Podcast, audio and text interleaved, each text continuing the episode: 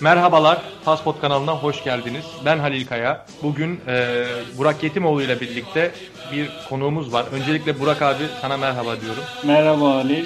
Bugün e, Uluslararası Rabat Üniversitesi'nde eğitimini bizimle birlikte devam ettiren, aynı zamanda kendisi de bir MEB bursiyeri olan e, Gökhan Bay'ı ağırlıyoruz. Gökhan hoş geldin yayınımıza. Hoş bulduk. Teşekkür ederim davetiniz için. E, öncelikle kendini bir tanıtır mısın? Tabii ben Deniz Gökhan Bay, Trabzonluyum. Lisans eğitimimi Karadeniz Teknik Üniversitesi'nin Uluslararası İlişkiler bölümünde bitirdim. Yine aynı üniversitede tarih alanında yüksek lisans yaparken Milli Eğitim Bakanlığı'nın yurt dışı bursunu kazanarak önce bir buçuk yıl Paris'te Fransızca dil eğitimi ardından da Fas'ın Rabat kentinde Uluslararası Rabat Üniversitesi'nde Uluslararası İlişkiler Anabilim dalında yüksek lisansıma başladım. Şu anda yüksek lisansı devam ettiriyorum. Tez dönemindeyim. Şu an master tez dönemindesin. Ee, biraz istersen tez konumdan da bahset bize. Başlığı nedir? Ee, ne üzerine çalışıyorsun? Tabii şu an Fas'taki kadın hakları üzerine çalışıyorum. Aslında böyle bir fikrim yoktu buraya gelirken kadın hakları üzerine çalışma yönünde ama artık takipçilerin de malumu olduğu üzere Fas kuzeyinde İspanyolların ve güneyinde ve büyük bir çoğunluğunda da Fransızların uzun diyebileceğimiz bir süre altında e, himayesi altında yaşadı. Dolayısıyla bir müstemleke geçmişleri var. Böyle müstemleke tarihi olan bir ülkede postkolonyalizm ve kolonyalizm gibi çalışmaların önemli olduğunu düşünüyorum. Bu amaçla okumaya başladığımda postkolonyal feminizme yönelmiş buldum kendimi. En temel ifadeyle açıklayayım. Feminizm de yine birçok uluslararası ilişkiler teorisi gibi batıda doğmuş bir teori. Dolayısıyla batıdaki düşünürlerin, yazarların fikirleri üzerinden küresel bir kadın haklarının mümkünlüğü uzun yıllar boyunca tartışıldı artık son tartışmalarla beraber de batılı diyebileceğimiz batıda Avrupa merkezli ve Amerika'daki düşünürlerin bir teorisiyle karşılaştım. Burada küresel kız kardeşlik adına verdikleri bu teoride dünyanın neresinde yaşarsa yaşasınlar kadınların erkek egemen sistem altında ezildiklerini, haklarını yeterince savunamadıklarını, dolayısıyla tüm dünyadaki kadınların bir kız kardeşlik kavramı üzerinden okunabileceğini öne sürüyorlardı. Burada benim çalışmış olduğum e, postkolonyal feminizmin de bir eleştirisiyle beraber okuyor bu konuyu. Onların iddia ettiği de e, batıda gelişen bu fikirlerin doğudaki kadınların, üçüncü dünyadaki yaşayan veyahut da üçüncü dünyada yaşayan kadınların deneyimlerini, sosyal durumlarını göz ardı ettiği yönünde. Dolayısıyla özetleyecek olursak ben en temel ifadeyle Kaliforniya'da yaşayan bir kadınla Casablanca'da yaşayan bir kadının aynı haklar, aynı teori ve aynı süreç üzerinden bir kadın haklarına tabi olup olamayacağını tezimde işlemeye çalışıyorum. Burada da sağ çalışması ve vaka olarak Fas'ta en fazla ezilen ve herhangi bir hukuksal hak elde edemeyen bekar anneler üzerinde örnek almaya çalışacağım. Sonuç olarak Fas'taki bekar annelerin hukuksal ve toplumsal statüleri üzerinden küresel bir kız kardeşlik tanımının mümkün olup olamayacağını çalışıyorum. Gerçekten güzel bir konu Gökhan Hocam. Yani e, isminden de anlaşıldığı üzere merakla bekliyoruz çalışmanı. Tabii şimdiki bu güncel e, vaka analizin bekar annelere gelmeden önce şöyle de bir başlangıç yapsak güzel olur gibi geliyor. Fas'ta kadın hareketlerinin bir tarihi nereden başlatılıyor ya da işte ilk nerede kadın hareketleri görülmüş işte önemli kadın hareketlerinden de bahsedebilir miyiz? Tabii yani burada iki görüş var. İlk olarak 1944 yılında Fas'ın bağımsızlığa giden süreçte Allah el Fasi'nin kurmuş olduğu İstiklal Partisi'nin içerisinde Faslı Kadınlar Birliği'nin oluştuğunu görüyoruz. Hemen iki yıl akabinde de 1946'da Muhammed Hasan Uzani'nin Demokrasi ve Bağımsızlık Partisi içerisinde Akhavat Asafa denilen yani saflığın kız kardeşleri olarak bir kadın örgütlenmesini parti politikasının yanında görebiliyoruz. Bazı kaynaklar ilk feminist hareketleri Fas'ta bu tarihlerden başlatıyor. Fakat diğer görüşe göre de bunlar yalnızca bağımsızlığa giden süreçte milli bağımsızlığı kurulabilmesi için savaşa katılan, cephe gerisinde gerekirse cephede erkeklere yardımcı olan kadınlar. Dolayısıyla bir feminist söylemden bahsetmek bence mümkün değil. Bunun akabinde gelişen bağımsızlıktan hemen sonraki süreçte 1956'da artık bağımsız bir Fas krallığından bahsederken yine farklı örgütlenmeler görüyoruz. Örneğin kadınların kişisel kimliklerinin yani statülerinin belirlenmiş olduğu çeşitli hukuksal metinler var. İlki 1957'de çıkarılıyor. Buna mudavana e, diyorlar Fas'ta. E, hemen bağımsızlıktan bir yıl sonra olduğu için açıkçası çok da kadınlara yönelik pozitif haklar tanıdığını söyleyem söylemek mümkün olmuyor. Çünkü daha yüksek onlara göre, kurucu kadroya göre daha yüksek politikada işlenmesi gereken konular vardı. Fransız ve İspanyol sömürgesinden kurtulan genç bir krallığın kendini bir şekilde kurumlarına ve bağımsızlığına adaması gerekiyordu. Dolayısıyla bu 1957 yılında başlayan ilk halk hak taleplerinin ve neticesinin çok pozitif olmadığını görüyoruz. Bu ilk mudavanadan sonra yine münferit bir şekilde 4-5 kez mudavanın değiştirilmeye çalışıldığını görüyoruz. Fakat 1993 yılına gelinceye kadar çok da karşımıza farklı bir şey çıkmıyor. Yani bu mudavanaların 4-5 kez değişiyor. Temel prensibi kadını eve hapseden, tek görevini çocuk yetiştirmek ve kocasının ev içindeki ihtiyaçlarını, hizmetlerini gidermek olan bir portre çıkıyor karşımıza. Önemli diğer bir tarih 1975 ile 85 arası. Bu tarihler arasında Birleşmiş Milletler dünya genelinde kadın 10 yılı ilan ediyor. Tabii 60'ların sonunda şunu söylemek lazım. Fas'ta STK'ların ve bağımsız sivil toplum kuruluşlarının etkisi çok büyük. Zira bizdekinden farklı olarak iki yapılı bir meclisleri var. Temsilciler Meclisi ve Seçilmişler Meclisi diyebiliriz. Bu Temsilciler Meclisi'nde STK'ların, sivil toplum kuruluşlarının ve devlet dışı organizmaların e, önemli faaliyetlerinin olduğu söylenebilir. Dolayısıyla 60'lı yıllarda bir STK'laşma süreci başlamıştı. Fakat 75'e gelindiğinde Birleşmiş Milletler'in de kadın 10 yılı ilan etmesiyle beraber çok hızlı değişen dönüşen bir kadın hareketleri görüyoruz. Burada artık devletin de kadın haklarıyla ilgili kadınları söz sahibi yapmak üzere kurmuş olduğu bir iki tane kurum var. Yani ilk pozitif vakaları burada görüyoruz. Fakat negatifine de bakacak olursak maalesef devletin kadınlara bir yer, bir alan çizdiğini ve bu çerçevenin dışında çıkmaması gerektiği söyleniyor. Yani bizdeki belki Kadın ve Sosyal Politikalar Bakanlığı'na benzetebiliriz. Biraz daha az yetkileri olan bir kurum bu 1975'lerde başlayan kurumlar. Fakat kadınların bu alan dışında çok söz sahibi yok.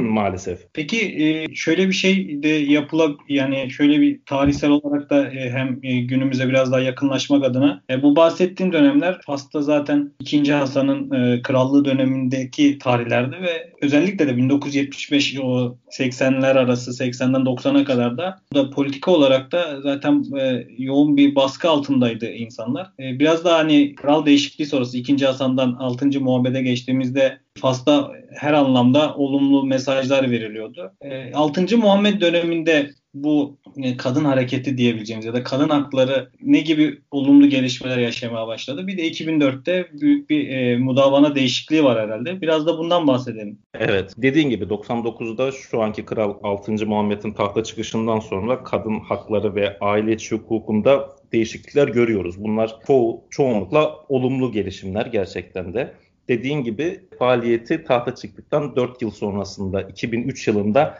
mudavanada değişiklikler oluyor.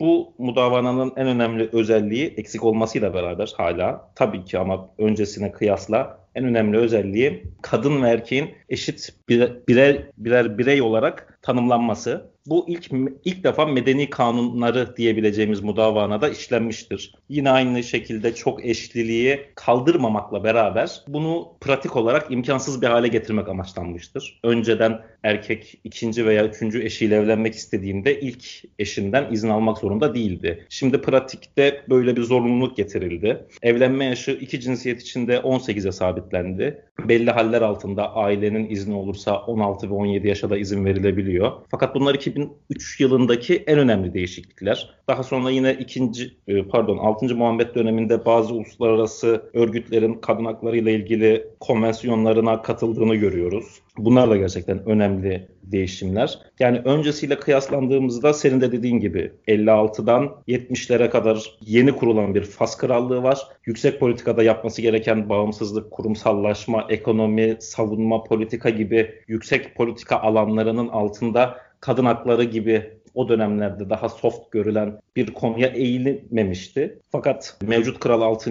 Muhammed'le beraber bazı olumlu gelişmeleri görüyoruz. Fakat bu mudavanın %100 e, kadınların yanında olan, onu destekleyen çağdaş bir medeni kanun olduğu anlamına da gelmiyor ne yazık ki. Peki Gökhan Hocam şimdi daha böyle güncele getirirsek meseleyi. 2019'da Hacer Reisuni isminde bir e, kadın gazeteci kürtaj suçlamasıyla e, gayri resmi bir ilişkiden evet. sonra kürtaj suçlamasıyla tutuklanmıştı ve bir yıl hapse mahkum edilmişti. Daha sonra da kralın e, hususiye affına kadar giden bir süreç vardı. Bu konu Fas'ta işte kadın hakları, kadın hareketleri tarafından kadın hareketleri tarafından nasıl ele alındı, ne gibi yankılar buldu? Çok büyük yankı buldu. Öncelikle neden tutuklandığının yani tutuklanma gerekçesinin hukuki altyapısını konuşmamız gerekiyor. Öncelikle Fas'ta hayati bir durum söz konusu değilse kürtaj yasak. Bunun yanı sıra adı geçen gazeteci yalnızca kürtaj değil, aynı zamanda da yine ceza kanununda Fas'ta suç sayılan evlilik dışı ilişkiden de hüküm giydi. Fas'ta e, 490 numaralı ceza kanununa göre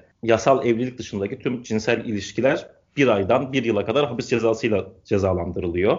Bu kadın hareketlerinin çok sıklıkla atıf yaptığı ve daha geçtiğimiz birkaç önceye kadar da sosyal medyada çok gündem olan değişmesi için birçok kampanyalar başlatılan bir kanunları. Tabii ki 2021 yılında eskisi kadar tutuklanmaların olduğunu söylemek mümkün değil. Yine çok eşlilik gibi bu evlilik dışı ilişkiyi hapiste cezalandıran kanun da pratikte kalmasına rağmen yine uygulamada güçlük güçlendirildiğini görüyoruz. Hajar davasında toplumun büyük bir kısmının hemfikir olduğu konu gazeteci olması ve biraz da muhalif söylemlerinin olması neticesinde aslında bu yaptırıma maruz kaldığını öne sürüyorlar. Yalnızca kadın da değil, partneri de bir yıl hapse bildiğim kadarıyla maruz tutulmuştu. Aynı zamanda kürtajı yapan doktor ve doktorun yardımcı asistanı da ikişer yıl hapiste cezalandırıldı. Bir iki aylık e, süre hapisten sonra bildiğim kadarıyla senin de dediğin gibi kralın özel affıyla beraber affedildi. Yani burada şunu söylemek gerekiyor.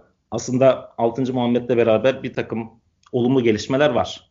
Kanunlar çıkıyor. Fakat kanunun pratikte ne kadar uygulandığı hala tartışma konusu. Diğer bir konu ise Fas'ın bugün hala %60'lık bir kesminin kırsalda yaşaması. Bildiğiniz üzere Fas bugün %100 bir tarım toplumudur demek doğru olmayacak ama hala bir tarım toplumunu andırıyor bize. %60'ının kırsal alanda yaşadığını görüyoruz. Dolayısıyla başkent Rabat'ta meclisten ve kral onayından çıkan bir hakkın e, kırsal alanda da çok %100 uygulanabilir, efektif olmadığını maalesef gözlemliyoruz. Evet ya bu konu benim de çok dikkatimi çekmişti. Biz bazen işte beraber ya da işte yalnız bir şekilde seyahate çıktığımızda özellikle kırsal kesime doğru seyahate çıktığımızda çok büyük bir değişimin yaşandığını görebiliyoruz yani gözlerimizde e, fark edil gözle fark edilecek boyutta. Dediğin gibi e, şehirdeki yani bazen bir sürü gelişme yaşanıyor. Son dönemde işte kadın haklarına yönelik bir bir sürü adımlar atılıyor Fas'ta ama kırsal kesime gittiğinizde bazen bunun e, gerçeklikte çok da e, görebileceğimiz boyutta ilerlemediğini e, görebiliyoruz. Ben son olarak yani yavaş yavaş da böyle toplamak nihayet, nihayetinde şeyi merak ediyorum. Yani çalışma konunda da bahsettiğin o Merseliveterler ya bunları biraz da bunlardan bahsedebilir miyiz? Hani kim bunlar, nedir, ne istiyorlar ya da hani ne gibi bir sorunları var şu an? Biraz da bunlardan bahsedebilir misin Gökhan? Tabii yani bekar anneler benim tezimin ana konusunu inşa ediyor. Vaka çalışması olarak e, onları seçtim ve şu an FAS'ın mağdun grupları diyebiliriz. Maalesef anayasal bir güvence altında değiller. FAS anayasası ailenin en küçük birimini iki Müslüman faslı arasında kurulmuş ve akti gerçekleştirilmiş bir evlilik olarak kabul ediyor. Dolayısıyla evlilik dışında çocuk sahibi olmak hem anayasanın 32. maddesi olan bu saydığım ilkeye aykırı hem ceza kanunun 490 numaralı evlilik dışı cinsel ilişki maddesine aykırı. Üstelik e, kürtajla bu duruma müdahale edilmesi durumunda bir de kürtaj yasağının delinmesi söz konusu olunca böyle 3-4 tane yasayı birden çiğneyecek bir durumda buluyorlar kendilerine. Maalesef her zaman reşit bireyler arasında gözlemlenmiyor bekar annelerin durumu. Ben geçtiğimiz hafta sağ çalışması için Marrakeş'e gitmiştim. Birkaç e, farklı kadın derneğiyle konuşma şansım oldu. Aslında amacım tezim için 4-5 tane bekar anneyle konuşup hazırladığım 20 tane soruyu sormaktı. E, giderken bunun kolay olmadığını biliyordum. Görüşmek istemeyeceklerini de tahmin ediyordum. Fakat gittiğimde bambaşka bir senaryoyla karşılaştım. Telefonlara dahi çıkmadılar. E, gerçekten korkuyorlar deşifre olmak istemiyorlar ve çocuklarının doğumundan itibaren bir sürü yasal zorunlulukla buluyorlar kendilerini. Zor bir durumun içinde buluyorlar. E, oradan birkaç kadının hikayesinden dinlediğim kadarıyla Bazen 9, 10, 11 yaşındaki bekar annelerden bahsedebiliyoruz. Çoğunlukla bazen tecavüz sonrasında hamile kalan annelerin kürtaj yasağıyla birlikte de çocuklarını doğurmak zorunda hissetmeleriyle oluşan mağduriyetlerden bahsedebiliyoruz. Kadınlardan e, pardon derneğin başkanından aldığımız bilgilere göre bazen de sırf kürtaj yasağını delmemek, hastaneye gidip durumlarının deşifre olmasını öğrenmemek adına amacıyla kadınların doğumdan sonra çocuklarını e, insan kaçakçılığı yoluyla farklı ailelere satabildiklerini de görüyoruz. Dolayısıyla çok büyük bir mağduriyet var burada. E, kadınların çocuklarını e, medeni kanun gereği devlete kaydettirebilmeleri, bir kimlik alabilmeleri için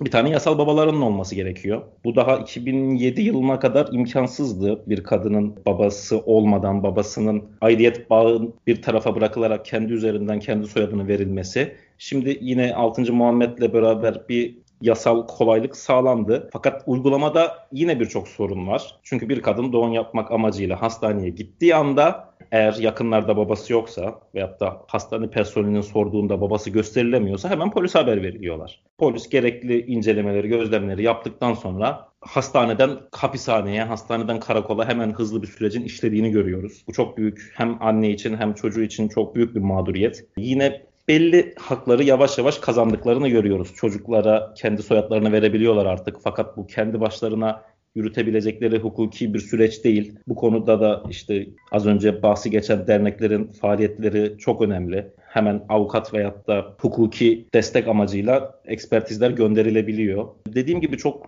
zor ve korumasız durumdalar. Onun için e, tezimi bu korumasız mağdun sınıfına itilmiş kadınların deneyimleri üzerine yoğunlaştırdım. Ee, peki Gökhan Hocam şimdi Fas'ta malum İslami hukuk yürürlükte büyük oranda. E, bu noktada bildiğimiz kadarıyla Faslı Müslüman kadınlar gayrimüslim erkeklerle evlenemiyor. Bunun için de e, onların din değiştirmesi, iktidar etmesi gerekiyor. Hatta bizim e, senin de bildiğin gibi bizim çevremizde de e, bu tarz insanlar var. Evet. Bununla ilgili bir takım bilgiler verebilir misin? Bir çalışmalar var mı? Ya da artık bu hani çok sıradan bir iş olmuş. E, faslı biriyle evlenmek isteyen bir insan, e, bir yabancı gelip formalite de olsa din değiştirip onunla evlenip burada yaşamaya mı başlıyor? Evet evet yani tam da dediğin gibi oluyor. Az önce de bahsettiğim gibi 2011 yılında değişen anayasayla beraber belki buna da değinmemiz gerekir. Aileyi en küçük birim olarak tanımlarken Müslüman anne babanın bir araya gelerek nikah akdini gerçekleştirdikten sonra kazanılan bir hukuki statü. Bu durumda anne faslı Müslüman, baba farklı bir kimlikten Müslüman değilse yapılan evlilik yapmak mümkün. Fakat bunu medeni kanunda legalize edecek bir kurum yok ne yazık ki. Dolayısıyla pratikte dediğim gibi eğer faslı bir kadınla Müslüman, gayrimüslim bir erkek evlenmek istiyorsa kağıt üzerinde İslamiyet'e geçtiğini beyan ettikten sonra evlilik akti gerçekleştiriyor. Burada biraz da dediğin gibi hem İslami hukukun getirmiş olduğu bir takım geleneksel yaklaşımlar var hem de bence biraz Fas kimliğini korumaya çalışan nasyonalist bir görüş olabilir. Çünkü daha birkaç yıl önceye kadar, 3-5 yıl önceye kadar e, çocuğa kimliği anne tarafından geçmiyordu. Dolayısıyla Müslüman Faslı anne babadan doğan çocuk Müslüman Fas vatandaşlığına layık bir çocuk olarak görülüyordu. Gerekli uluslararası angajmanlara dahil olduktan sonra bunun değiştiğini hatırlıyorum. E, dolayısıyla hem kimlik verme hem vatandaşlığın aktarımı hem de Maliki gelenekten temel alınan belli kurallara göre evlilik akti böyle Müslüman olma gibi belli şartlara tabi tutuluyor. Burada şunu da söylemek lazım. Açıkçası 2011 yılındaki değişim ve dönüşümden sonra bildiğiniz üzere 2011 yılında Tunus'ta Aras, Arap e, Baharı başladığında Fas bundan çok fazla etkilenmemişti. Etkilenmemesinin en büyük nedeni de kralın 6. Muhammed'in halkına daha özgürlükçü, daha demokratik bir anayasa vaadiydi. Bu vaadini de kısa bir süre sonunda gerçekleştirdi. 2011 yılında anayasa değişti. Eskisine oranla daha özgürlükçü diyebileceğimiz bir anayasaya kavuştular. Burada da ilk kez az önce mudavanadan bahsederken kadın ve erkeğin eşit olduğunu ilk kez burada geçtiğini söylemiştik. Fakat bu medeni hukukun altındaki birkaç e, başlıktan birisiydi. Fas'ta kadın ve erkeği iki farklı cinsiyeti de tam anlamıyla eşit kılan ilk anayasanın 2011 anayasası olduğunu belirtmek gerekir. Bekar annelerin hukuki statüleriyle ilgili de birkaç değişiklik olmasıyla beraber 2011 anayasasında istenilen seviyeye çıkmadığını görüyoruz. Dediğim gibi ilk kadın haklarını düzenleyen 56 yılında çıkan 57-56 yıllarında çıkan bu davana Fas devletinin hem yeni genç bir krallık olması hem de açıkçası Ortodoks gelenekten esinlenerek hazırlamış olduğu bu kadın haklarının